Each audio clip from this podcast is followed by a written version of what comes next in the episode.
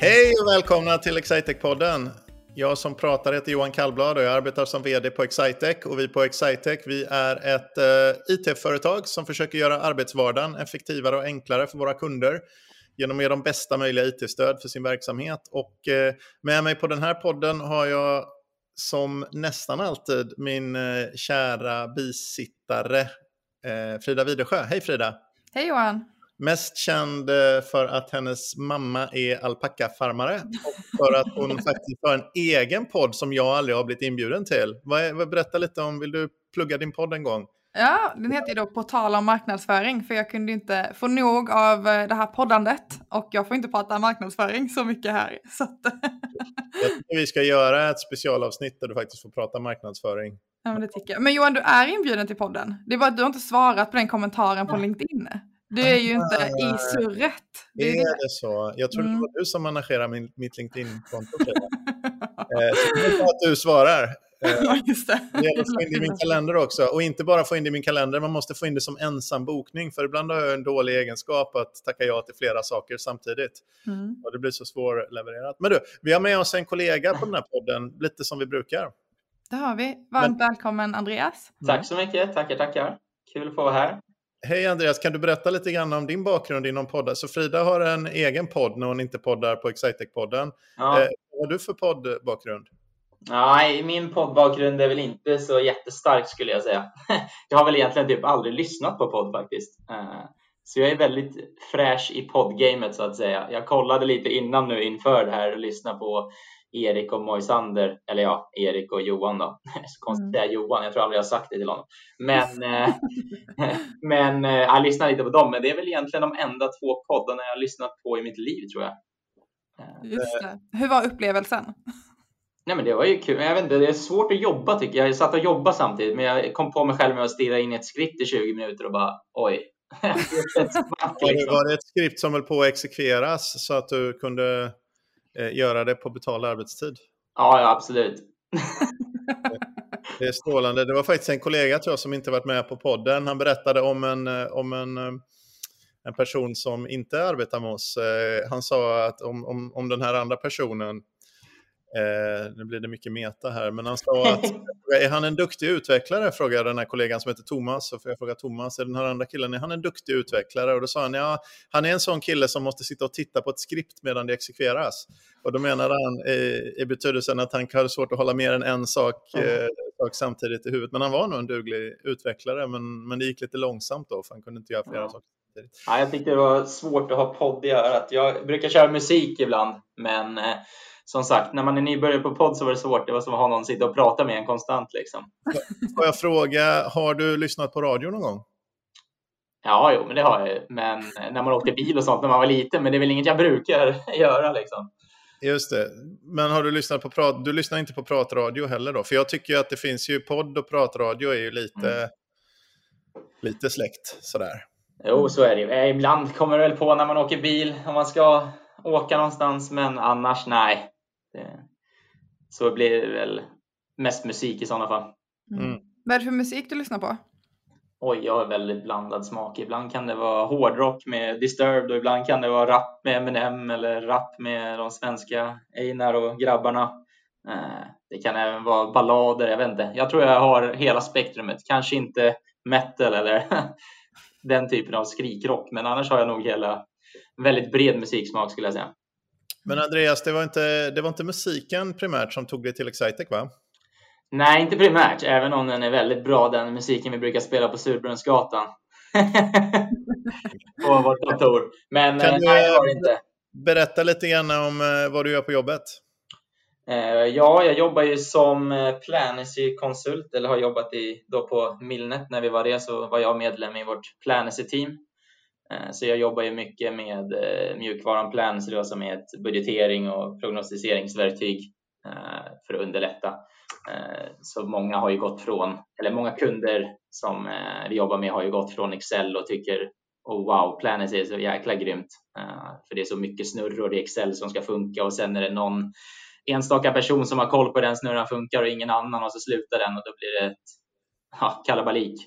Men eh, så Planisy håller jag på med kanske ah, 50% av tiden sig och sen så är det väl klick och M-printing resterande delen. Så innan jag började med Planesy så körde jag ju klick då hela tiden. Eller M-printing också då som ett tillägg till klick.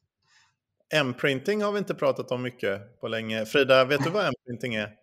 Ja, men är det inte för att eh, dela data ut i organisationen på ett enkelt sätt? Jo, precis, det kan man ju säga. Det är ju för att skicka ut rapporter och det kan man göra på lite olika sätt, men vanligast eh, brukar väl vara via mail. Så då kan man sätta upp automatiserade rapporter att skicka till ja, säljare om det är hur, hur de ligger till i förhållande till budget eller vad det kan vara. Och man kan skicka några månadsrapporter till styrelse eller vad det nu må vara så kan man sätta upp det på schemaläggning att antingen skicka varje dag, skicka varannan dag, mm. skicka en gång i månaden och så vidare. Eh, och fördelen är väl att man... använder en printing ehm, för att få upp det på någon typ av liksom storbildsskärm och liksom följa data i realtid med försäljning och allting i organisationen. Det är lite ballt. Ja, det låter ju coolt. Mm. Nej, så jag har ju faktiskt varit en printingansvarig ja, förut när vi var Milnet och jag är väl fortfarande lite en printingansvarig nu när vi har gått in i Excitec och får ofta frågor på det. Mm. Uh. Det är ganska coolt ändå, med, eller liksom coolt, det, det, är ju en, eh, det är en sån funktion som kanske på sätt och vis skulle kunna ha funnits inbyggd, för klick i, i Klick då, Klick är ju ganska mycket ett analys visualiseringsverktyg, liksom inte ett distributionsverktyg av analyserna egentligen. Men, men uh, så det, det, skulle ju kunna ha ingått, men nu har ju Klick faktiskt köpt. Eh, för några år sedan så köpte de ju tillverkaren av, av eh, den här M-printing. Det är ganska fräckt egentligen. Några byggde en funktion som fattades lite grann i Klick och så blev de köpta av programvaruleverantören. Då måste det vara ett kvitto på att man har gjort något bra. Ja, verkligen. Nej, så är det ju. Nej, men så det som, och det har jag väl jobbat lite mer nu också på senaste med M-printing. Det är inte bara schemalagda rapporter heller, utan det finns ju ett något som kallas för on demand. Då är det ju liksom att man kan jobba i klick och sen klicka ut en rapport när man själv tycker. Så det måste inte vara varje vecka, varje dag, utan det är när som helst. Liksom. Det här fantastiska verktyget Klick då, som, som kom, till, kom till världen för en 15 år sedan kanske och, och blev känt för att det, det plockade in all data i, i primärminnet på, på, på servern egentligen och så blir det mycket, mycket snabbare. Eh, alltså på datorn som man körde på så, så plockar man in all data där och komprimerar på ett avancerat sätt så blir det väldigt, väldigt, väldigt mycket snabbare än traditionellt uppbyggda eh, datalager. Eller förut, man behövde alltid flytta ut all data från olika datakällor till ett datalager och lägga datan på ett väldigt speciellt sätt för att det skulle gå rimligt fort att göra analys. Då. Eh, men klick, och, och, problemet med det är att då måste man nästan tänka ut innan vilka analyser man ska göra innan för att kunna bygga ett relevant datalager. Men Klick ställde det på huvudet genom att göra allting i, i primärminnet istället som är tusen gånger snabbare eller någonting i den stilen än, än, att, än att slå från någon annan datakälla. Och då behövde man faktiskt inte göra allt i ordning och därför blir det ett sånt oerhört snabbt verktyg för att göra mm. dataanalys. Då. Men då hade de ju idén att ja, men rapporter är ju en kompromiss. För, för, rapporter är ju, det är bara för att ni inte kan, för att ni inte har ett tillräckligt snabbt analysverktyg som ni tror att ni vill göra rapporter. Så de hade ju inte med något sånt liksom, fast rapportverktyg egentligen, men sen efter ett tag så det sig att ja, men vi vill faktiskt titta på en rapport. Vi vill göra det. och då kom de här som gjorde M-printing och sa att ja, men då bygger vi till en rapportgrej, det är inte så svårt.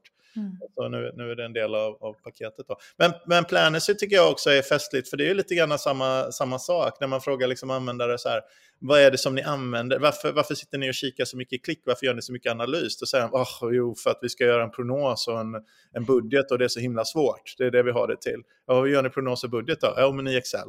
Ja. Liksom. Och då, och då, så du får gärna berätta några ord till, till om du vill om Planesy. Det är Planesy-säsong dessutom, märker man på Det är det ju faktiskt. Eh, nej, men som sagt, det är ju då ett eh, budgeterings och prognostiseringsverktyg Eh, som ska ja, hjälpa till vid budget och prognos då, eller planering också kan man ju köra. Eh, så den är ju väldigt smidig för den är ju, dels är den ju webbaserad och sen är det ju väldigt, nu har ju dessutom nya versioner kommit så jag skulle säga att det är ganska väldigt snyggt gränssnitt just nu eh, och det är lätt att lätt att liksom förvalta och lätt att förstå. Det är inte som i de här gamla Excel-snurrorna när det är en person som förstår vad som händer för att man refererar till 30 ark och 20 olika makros. Utan... Jag kan vara skyldig till några. Precis, så det brukar ju vara väldigt användarvänligt och eh, ja, det brukar tas emot väldigt bra faktiskt när man har kommit från just en sån här eh, svår Excel-snurra och brukar frigöra väldigt mycket tid åt ja, diverse ansvariga controllers och det som ska sitta där och pilla eh, med de grejerna. En utmaning är också det här när man distribuerar tillverkandet av budgeten och det vill man ju, man kanske gör både top-down och bottom-up liksom. Så, mm. vill man ju distribuera ut tillverkandet för att de ska känna ett ansvar, inte bara något som liksom ekonomiavdelningen har suttit och hittat på, utan du vill att liksom enhetscheferna ska känna att just det, det här är min, mina siffror, liksom. det här är min budget och min prognos. Mm. Och det är ju ja. svårt för dem att känna att ans annars blir det, ah, du vet, det där gjorde ekonomiavdelningen, har inget med mig att göra. Och då blir det de här äh, liksom 40 stycken olika små Excel-arken med små äh, som ja. heter äh, avdelning 1, 2, 3 underscore final final version 3. Liksom. Och sen var det final final version 3 eller var det final version 4 som var riktiga final final? Liksom. Den har man ju också suttit i, är jag rädd. Ja, nej precis. Och det brukar vara väldigt uppskattat både av de som är mer ansvariga som controllers och olika typer av chefer, men även ute i verksamheten. Slippa vara inne i en Excel med väldigt, antingen väldigt många variationer och olika, eh, olika typer av Excel eller att det är en jätte-Excel där alla ska vara inne. Så är det ju lätt nu att styra det bara på att ja, jag är ansvarig för det här kostnadsstället, då ser jag bara det som jag ska se. Men du Andreas, var kommer du från från början? Eh, jag kommer ifrån Stockholm och har pluggat på KTH då innan jag började på, så när vi fortfarande var Millnet då, så innan dess så pluggade jag, så Millnet var min första riktiga arbetsgivare kan man väl säga. Som ja. har jobbat och lite sånt på dagis och jobbade faktiskt även efter gymnasiet lite på dagis innan jag började. Men så Millnet har ju varit dit jag gick direkt efter jag pluggade på KTH. Jag hade tänkt att fråga annars ifall du liksom väckte, vaknade upp där liksom på, på, någon gång på låg och mellanstadiet och tänkte att liksom budget och prognos, det är det jag vill jobba med. Precis. Nej, riktigt så var det väl inte. Jag vet inte riktigt hur jag snubblade in på Millnet. Jag, de flesta, det är väl standard. Som vanligt så gick ju jag industriell ekonomi då som typ alla andra på företaget känns det som. Men, nej, eh, vi ska nej. inte exkludera, vi har massa andra duktiga personer, till exempel Frida Widersjö som inte alls har pluggat industriell ekonomi. Precis, precis. Vi, får, vi får ha med någon, alltså det är nästan nästa podd för vara någon som inte har pluggat det. Det blir missvisande annars. Jag hänger ju gärna kvar i det här. Eh. Men, men vad heter det Frida, du har ju dubbla examina, eller hur? Det stämmer. Det ja, stämmer. Så du är lite industriell ekonomi, det är ju bara två halva examina kan man säga. Precis. Ja, exakt. Mm. Men eh, så du är från Stockholm, pluggar KTH och sen gled du in på analysspåret. Data lockade ja. helt enkelt. Ja, precis. Jag läste ju lite Python-kurser, tror jag läste typ två av. Sen jobbar vi med lite andra verktyg, främst då när vi modellerar matematiska modeller egentligen. Så det var väl, det var ju kodning fast på ett annat sätt. Eh, jag gick ju tillämpad matematik som inriktning, eh, men eh, jag tyckte att Python var väldigt kul och scripting och så var ganska kul och sen när jag kikade lite på jobb så var det ju ja, 90% på industriell ekonomi. De ska ju till management consulting och det är så det är liksom. Mm. Men jag kände att management consulting var inget som lockade så där tyckte jag. Så när jag kikade på jobb så googlade jag väl typ jobb för industriell ekonomi eller något så kom jag in på lite så olika dataanalysjobb och tänkte ja men det kan ju vara nice för jag tyckte ju om Python-kurserna. Så, eh, så hittade jag bara Millnet när jag googlade. man ju lite med tanke på vad, att du är uppvuxen i Stockholm och var KTH ligger och Surbrunnsgatan kan väl vara så en och en halv kilometer från KTH max? Ja, precis. Jag rör mig inte långt alltså. Nej, så vad är det, liksom det längsta? Har du varit utanför tullarna någon gång? Ja, jag bor faktiskt utanför tullarna så att det, det brukar jag lösa. Jag är uppvuxen i Farsta och bor fortfarande i Farsta. Eh, så jag har bott där hela mitt liv. Men det är det längsta du har varit från Stockholms innerstad? Ja, så får man säga.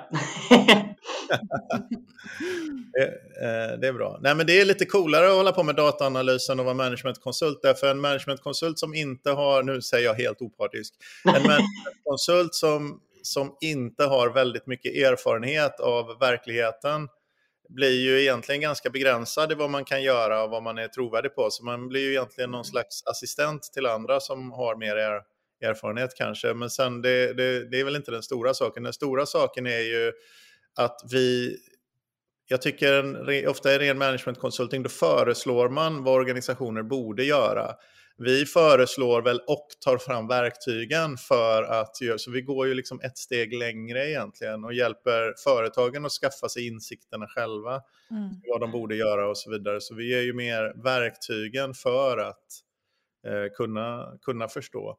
Det är ju mer en typ av verksamhetskonsult snarare än, äh, än bara föreslagare. Det blir ju det på något sätt. Sen ser vi oss, vi ser oss som en verktygsleverantör, men verktygen används ju till verksamhet. Så, Mm. att, så att vi är ju, men sen kanske det är om det är kunden eller en konsult eller någon annan som sen tillämpar dem. Men det är ju så, för managementkonsultuppdraget tar ju slut. Så att om du har den där duktiga, skickliga, erfarna managementkonsulten som inte behöver göra dataanalys, för han vet redan hur allt funkar. Eh, om du tar den personen så, så han, han eller hon kommer ju inte vara där alltid hos kunden. Så jag tycker det är bättre att lägga sina pengar på att bygga ett verktyg som gör att man själv kan få insikter i sin verksamhet istället för att, Mm. för att ta in en, en, eh, en konsult som hjälper en en gång och ger en insikten. Så, så vi är nog ganska nöjda med den platsen vi, vi är på. Och, och dessutom kan man ju passa på, jag vet inte hur många företag du kan har jobbat mot Andreas, men det är en väldig massa olika verksamheter man får tillfälle att, att se. Ja, precis. Det är en av delarna som jag tycker är väldigt kul. Man, dels får man ju se många olika branscher. Eh, bilbransch har jag varit i på en del kunder, retail, eh, statliga myndigheter och ja, en väldig massa olika verksamheter som jobbar på olika sätt. Vissa jobbar med produkter, vissa jobbar med ja, mer åt konsulthållet, liksom att planera personer eller resurser. Men det, det tycker jag är en av de roliga grejerna. Man får ju se så mycket. Det är inte att man sitter och knackar in och ja, samma datalager i tre år och, eller, eller, eller något sånt. Man får ju väldigt stor variation i det man gör och de verksamheter man är ute i och personerna man träffar också. Mm. Det är coolt. Vad, vad heter det, när du, när du inte jobbar med dataanalys och eh, Planacy och, och så vidare, vad, vad gillar du att göra då? Eh, ja, då är det väl ganska mycket gym och väldigt mycket gaming skulle jag säga. Eh, tränar Vi också på är andra. lite inne i en liten gaming-svit här också. Ja, Är-. Ja. Är, är, det, är det ett stort intresse på Surbrunnsgatan-kontoret? Ja, alltså. Vi är ju ett gäng som lirar. Vi, nu har vi ju dragit ihop, vad är vi? Vi är väl en fyra pers eh, som kör tillsammans från kontoret. Eh, vi just nu spelar vi World of Warcraft då, men eh, vi har ju ett gäng gamers på kontoret, eller före detta gamers i alla fall. Men eh, ja, det är många som inte gör det också, så eh, om man är med på kontoret någon lunch så behöver man inte vara rädd att vi bara ska prata gaming. Vi pratar annat också. Men det, jag undrar om det är sån här corona, för det pratade ju Erik eh, Gidlund lite om när vi, när vi eh, snackade med honom förut, så för, för några veckor sedan. Då pratade han om att det var nästan ett sånt där coronaintresse som, hade, som det helt plötsligt fanns tid till mer. Så han hade plockat upp det intresset igen och var så här, ah, jag kommer ihåg varför jag tyckte det här var så roligt. Ja, men det kan jag nog tänka mig att det är ett gäng som har börjat gamea lite mer nu när man har den tiden eftersom det inte går att göra så mycket. Det är, det är enklare än att skaffa husdjur liksom, i längden. Precis. Men eh, jag är väl nog, eh, jag har väl kört egentligen hela mitt liv har jag spenderat mycket tid framför datan eller Playstation eller vad det nu är. För. Så det är jag nog inte coronans fel att jag spelar. Eller, Jag, jag tänkte, vi har ju ett avsnitt i den här podden som heter Någon berättar om något och då blir jag så här lite, för, för härom sisten så tog vi ämnet som någon eh, hade, hade tänkt att prata om eh, redan, redan innan, så jag vill liksom ge dig chansen här och, och eh, om vi ska ta det här, av- du känner till, vi har ett litet avsnitt som heter Någon berättar om något och idag är det du som är någon. just det. Så Andreas, finns det något som du vill prata om med oss här idag? Ja, förutom gaming eller? Jag pratar om gaming också. Nej, alltså så här, jag har väl tagit fram några topics i alla fall. Eh, Gaming har varit en av dem, eller e-sport. Eh, ko- kolla mycket på liksom, e-sport på ja, streams då så att säga, när andra spelar egentligen. Turneringar och så. Eh, gym är ju något jag ägnar mycket tid åt och golf och nu på senaste även faktiskt lite paddel har jag snöat in mig lite på. Eh, Ska Men det man om. trida så kanske man får ta marknadsföring också. Ja, just det. Just det. Ja, det, här, det, det, är kul när gäster kommer och har så här en uppsjö av ämnen så kan man bara säga det här kände jag för. Det är lite kul. Ja, Men eh, spontana tankar då. Paddel. Unpopular opinion. Jag sa det här igår senast. Är det kul? jag tycker det är väldigt Är det kul. det? har, har du provat det eller?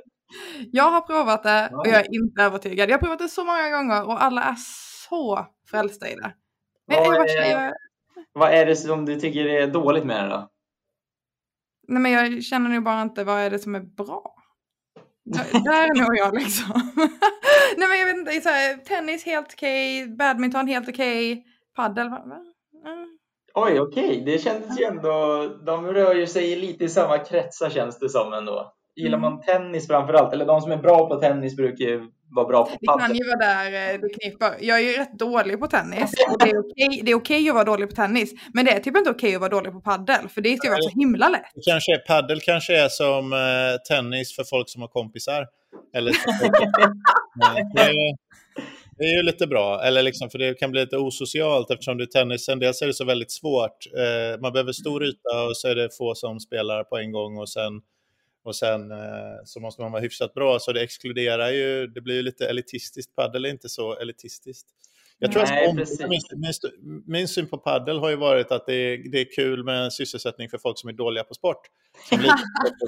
Men men eh, det ska jag ompröva faktiskt. För att jag, jag, jag tror inte att det, jag känner väldigt många som är väldigt bra på sport som gillar paddel väldigt mycket. Jag, jag är på din sida annars, för där har jag inte heller riktigt sett storheten i det. Nej, men det, det, jag, jag tror att det är också därför jag eh, ogillar padel. För att jag, det, man hör exakt det du säger. Så här, bara, ah, det är så himla enkelt och det där kan vem som helst. Och jag är rätt dålig på padel. Mm. Det är ju väldigt törn för det, självförtroende. ju, det finns ju skillnader i de som är bra och inte bra såklart. Men det känns ju mer nybörjarvänligt än många, många andra. Eller liksom, som sagt, tennis är ju svinsvårt om du inte har spelat det. För då kommer du bara skjuta bollen åt, eh, ja, den flyger ju iväg liksom. I padel Mm. har du ju ändå väggar och det som blockar upp och du kan ju få mer, mer ett lir. Du har inte samma svung i racket som du har med tennisracket. Du kan ju slå iväg den hur långt som helst i princip med tennisracket. Jag tycker däremot squash är svinkul. Alltså jag tycker, det tycker jag liksom är så här riktigt roligt. Jag har varit medlem i squashklubb och sådär. Men eh, Ja. nej. Mm. Jag har faktiskt aldrig provat squash, men vi har ett gäng på jobbet som spelar, eh, som spelar squash. Ganska mycket till och med.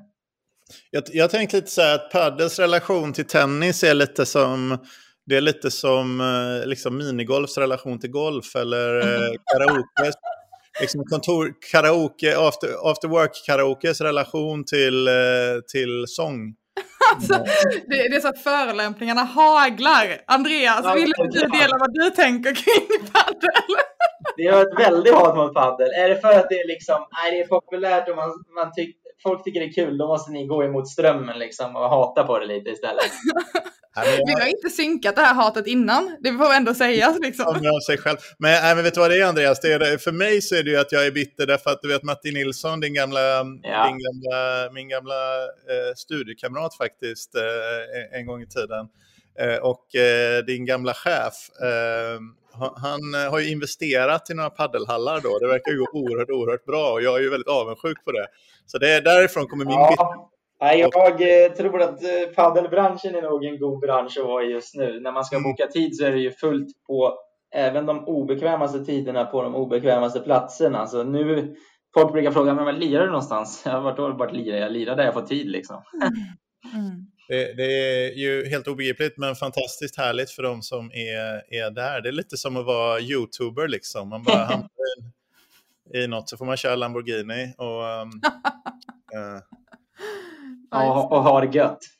och Men eh, vadå, hur, hur, eh, hur satsar du på paddel? Är det liksom, tävlar du i paddel? Har du ditt eget rack? Var, var är? Jag har några polare som började lira. Jag lirade en gång faktiskt med jobbet när vi var Milnet fortfarande och körde någon, eh, ja det var på någon månadsdag eller något som vi brukar ha lite after works och sånt ibland någon gång. Var vi körde femkamp på Gröna Lund eller sjukamp eller vad det nu var och så vidare. Men då var det någon gång vi körde paddel. Och då var ju Matte med och styrde upp. Då hade vi också en kille som jobbade hos oss som eh, numera ja, jobbar med Matte i paddelbranschen. Men han hade en paddelhall, eller han har fortfarande en paddelhall, den eh, personen. Men, eh, så då var vi på hans paddelhall och körde paddel. Men då var jag ju urkass. Och då, men sen hade jag några polare som började med paddel. Eh, och så körde de några månader så skadade sig ena killen och man måste ju som sagt vara, eller ja, måste och måste, man måste inte vara fyra. Det finns ju singelbanor en mot en. Men man vill ju vara fyra känns det som. Mm. Och då frågade de, ska du med och spela padel? Och då sa jag, ja visst varför inte? Och sen nu, ja det var väl en, det måste varit i vintras någon gång nu, så nu har vi kört några månader, jag i alla fall, och de har ju lite försprång där, men det är ganska jämnt ändå. Och jag tycker det är väldigt kul, men jag är ju liksom inte, alltså jag kör väl ungefär en gång i veckan, vi ska spela ikväll, men ja, runt en gång i veckan kör vi, så jag är ju verkligen ingen, inget proffs, men jag tycker det är kul Mm. och det är en trevlig, trevlig variation från bara gymmet. Så får jag lite cardio också, för jag är väl inte någon cardio-älskare så. Ja, just det. Jag brukar också säga, när jag är lite mer självförnekande, då säger jag att jag, att jag har inte så många vänner som krävs för att spela padel, eller åtminstone inte så mm. handlingskraftiga vänner att de klarar av att boka det i tid. Liksom. Man måste ju ha någon som, som du hade där och någon som drar ihop det hela. Och så. Mm. Ja, precis. Det känns lättare att snöa in sig på till exempel golf som jag också spelar. Där kan man ju gå och lira själv. Mm. Det blir svårare med paddel och gå och lira själv. Får man mm. stå och slå mot väggen. Vägen, bara springa runt kanske. Ja, precis. Det, är ju fantastiskt. Men du, vad händer på dataspelsidan då? På gamingsidan? Vad är, vad är stort där? World of Warcraft spelade man ju för eh, ett par hundra år sedan också. Ja, precis. Det är väl lite stenåldern vad det gäller gaming, just WoW kanske. Det är ju eh, inte så stort var det, i det generella eller stora hela. Det är inte så mycket streams och turneringar och sånt kanske. Men eh, vi lirar nu ett gäng Eh, jag, Erik, Johan och eh, Benjamin från, eh, ja, från Excitec allihopa eh, lirar ju tillsammans nu. Och egentligen är det väl eh, det som har varit eh, det jag spelat mest nu på senaste månaderna. Men jag brukar ofta gå i vågor med vad jag spelar. Så att ibland blir det CS en period, ibland blir det en Call of Duty-period, ibland kan det bli en Battlefield-period och så vidare. Men just nu lirar vi och det är kul för att vi är ett gäng och det är då egentligen jag tycker gamingen blir kul och det blir socialt. Och det är nästan som att hänga med varandra efter jobbet fast man inte ses i verkligheten. Spelar ni i lag då tillsammans som mot, mot andra? Ja, eller? precis. Vi brukar köra då två mot två, tre mot tre och ibland kör vi även tio mot tio, men då får vi ta in lite eh, random personer. Eh, vem är bäst då? Om du, jag lovar inte att berätta för någon. Nej, det är jag såklart. Nej, men om man ska vara ärlig så är vi väl andra ganska, ganska på samma nivå faktiskt. Är det svårt insteg tror du? Om du jämför med paddel, hur lång tid tar det att bli hyfsad? Ja, det kan jag lugnt påstå att det är. Alltså, World of Warcraft är verkligen inget nybörjarvänligt spel på det viset. Uh, ja, hur ska man göra för att förklara det basic basic? Men nu vet jag inte, det finns väl en 12 olika gubbar man kan vara ungefär eh, som har olika typer av attacker eh, kan man väl säga, eller abilities. Eh, och varje gubbe kan väl ha ett ehm, 20-25 stycken olika, så det gäller att ha koll på vad alla gubbar gör, annars vet ju inte Ja, annars blir det ju svårt att vinna mot någon om du inte vet vad motståndaren gör. Liksom. Men vad är, vad är syftet? Alltså, så här, um, vad, vad spelar man på för plattform? Man spelar på datorn på datorn. Så yes. det är ett sånt spel. Just det. Yes. Och eh, vad, eh, vad är syftet? Ska man eh, döda alla i det andra laget eller ska man ta någonting? Eller? Ja, det finns ju faktiskt lite olika. Det beror på vad man spelar för typ. Eh, WoW är ju indelat eh, egentligen i två delar och det som vi spelar är ju PVP, eh, player versus player, det vill säga vi möter andra spelare, eh, verkliga personer. Det finns ju också PV och då går man, ja, då är man ett gäng på 10 till 25 pers typ som slåss mot datorstyrda eh, ja, spelare, eller spelare, det är inte spelare, det är mm. datorstyrda mm. monster eller gubbar eller vad man ska säga. Eh, så då handlar det ju, då är det lite olika, det är väldigt olika vad målet är då. Men det som mm. vi spelar så spelar vi ju tillsammans mot andra spelare där vi spelar två mot två, tre mot tre eller då tio mot tio. Och i de här två mot två och tre mot tre varianterna då handlar det bara om att döda den andra laget. Det är enda sättet att vinna. Men mm. de här 10 mot 10, där kan det vara lite olika, olika att man ska ta någon bas eh, och samla liksom poäng genom att ha baser. Eh, mm. Eller typ hämta flagga. Då är det liksom, man har ett man har en sida som är sitt bo och en sida som är motståndarens bo så ska man hämta över flaggan till sin sida. Bara. Alltså det låter väldigt kul. Alltså det är som, så här, catch the flag var ju det roligaste jag mm. visste på idrotten när, när jag var liten. Det är ja, precis. Lite, lite capture the flag är det från idrotten. Eh, Däremot så kan man ju också, ska jag säga, alltså man, man kan ju fortfarande slå på varandra och döda varandra i det modet. Eh, ja, det är Men där det skiljer sig. inte bara gå fram och slåss liksom. ja, just det. Ja, det är skillnad. Det är skillnad. Jag ser det ändå. Mm. Men det är ändå ett kul, kul tema som spelar ett ganska klassiskt tema liksom. Ta en flagga från motståndarbot liksom. Mm. Det är ju väldigt, en väldigt klassiskt spel, spelformat kan man säga. Ja, men precis. Men, men jag tycker det ändå är lite intressant här. Dataspel och, eller tv-spel, eh, eller vad det är nu vi har pratat om, eh, senaste tre poddarna. Det är ändå liksom eh, tre stycken klick och dataanalyspersoner också. Är det en, ett genomgående tema för att dataanalyspersoner? Att man gillar gaming? Ja, alltså, nej, vi har ju väldigt många som inte gillar gaming, eller de kanske inte är emot gaming, men de spelar inte själva. Eh, så det är väl lite 50-50 skulle jag säga. Vi har ju väldigt många personer med olika bakgrund, men, men jag kan ju tänka mig att det kanske är fler gamingintresserade som jobbar med programmering eller datarelaterade saker än vad det är till exempel, ja, vad vet jag, frisörsbranschen. Säg. Mm. Eh, det är rimligt ändå. Jag tror det är en rimlig så här magkänsla jag trodde Frida att du var ute efter att hitta någon plats där man kunde sitta där i, i liksom World of Warcraft och bygga djupa interpersonella relationer och, frågor. Mm. Nej, men jag tänker mer för potentiella lyssnare som eh, kanske då pluggar industriell ekonomi, som ja. inte har ett gamingintresse och känner så här, gud, passar inte jag in som mm. dataanalytiker nu då? Nej, men då kan man göra kommer passa in perfekt. Det är väldigt många som inte spelar och som tycker äh, det är för töntigt. Men... Ja. Men handlar det inte egentligen lite grann, Andreas, tror du, om en förmåga att bli intresserad? För du har ju haft många intressen vi har tagit upp här. En förmåga att bli intresserad av något är ju inte... Om man ska jobba med dataanalys så ska man hjälpa en massa företag att skapa insikter och hjälpa dem att ge dem verktygen så de kan skapa insikter själva utan vår inblandning egentligen så kan vi göra verktygen åt dem, men vi ska ju inte berätta för dem hur de ska driva sin verksamhet egentligen. Det ska de ju, vi ska ju lära dem att komma fram till det själva. Liksom. Men handlar det inte om att vara, bli intresserad av saker?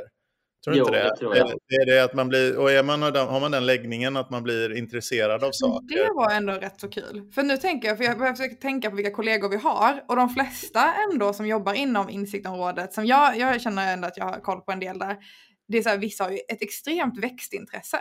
Alltså extremt intresse verkligen. Det, det, är något helt annat, men den ligger i den där mm. förmågan att bli väldigt intresserad av någonting. Mm. Men jag tror också det kan vara lite, ja, man kan säga det, okunskap vad som faktiskt är gaming. Alltså det finns ju en miljard spel. Jag tror att det kan inte finnas någon som, in, alltså som tycker alla miljardspel är tråkiga. Något spel finns det ju för dig. Jag tror att många ser det på, ja, men vad är det för slöseri med tid? Men det är väl jag kan ju tycka att det är väl lika mycket slöseri med tid att kolla på Netflix efter jobbet som att det om inte mer, man aktiverar ju gärna och man snackar med polare eller med andra personer online. Liksom. Så det blir ju en social grej i sig, inte bara sitta och kolla på eh, Netflix.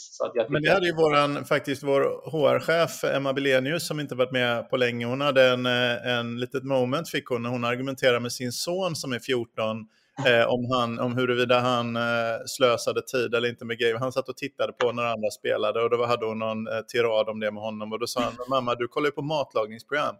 Eh, liksom, ja, får du äta maten då? Liksom, Nej, det är sant. Hon tittar på, tittar på filmer där, där andra lagar mat. Ja, precis. Jag tycker att det kanske är lite, lite konstiga argument just mot gaming och att det, slöseri med tid och man ser sina negativa grejer. Men jag tror att det finns ju, om man kommer in på det så finns det nog ett spel åt alla som sagt. Det finns ju en miljard spel i en miljard olika genrer liksom. Mm. Nej, men vi är positiva till gaming här, men vi tycker men det, det, det är obligatoriskt. Man får vara mm. intresserad av andra saker också. Ja, det är klart. Men man är inte lika negativa mot gaming som mot paddel alltså. Nej. det, är, väldigt bara, just jag och Frida hamnade på antipadel. Vet du vad Frida, en sak till då. Jag har ju börjat använda elskotrar den här våren. Men Johan, vad händer? Det här är ju en följetong sen liksom ja. 2020. Vilk, ja. alltså, det var en hel podd du poddade om hur mycket du hatade fenomenet elskotrar. Yep. Men jag hatade ju inte så mycket. Jag hatade ju, eh, påstår jag nu i efterhand i alla fall. Exakt. Jag hatade ju dels lite att de var i vägen, men jag hatade eh, jag tyckte att affärsidén kändes så dålig och den är väl mm. fortfarande, juryn är väl fortfarande ute ifall det är en bra idé att ställa upp massor av elskotrar av olika märken överallt i gathörnen och sådär. Det finns väl ingen som riktigt har tjänat pengar på det än. Men det var ju väldigt, coronan eh, måste ju ändå varit ganska bra för dem eftersom man har använt, kanske inte är så sugen på att använda kollektivtrafik alltid. Och jag har mm. mest tänkt, det handlar inte så mycket om, om rädsla så för mig. Jag tänker mer för andras skull. Om jag, om jag kan åka elskoter istället så kan jag ju lika gärna göra det. Och sen märkte jag att det var lite kul. Nej, men alltså, jag har åkt så mycket elskoter. Jag har ju två yngre syskon som är eh, runt 15 års eh, åldern.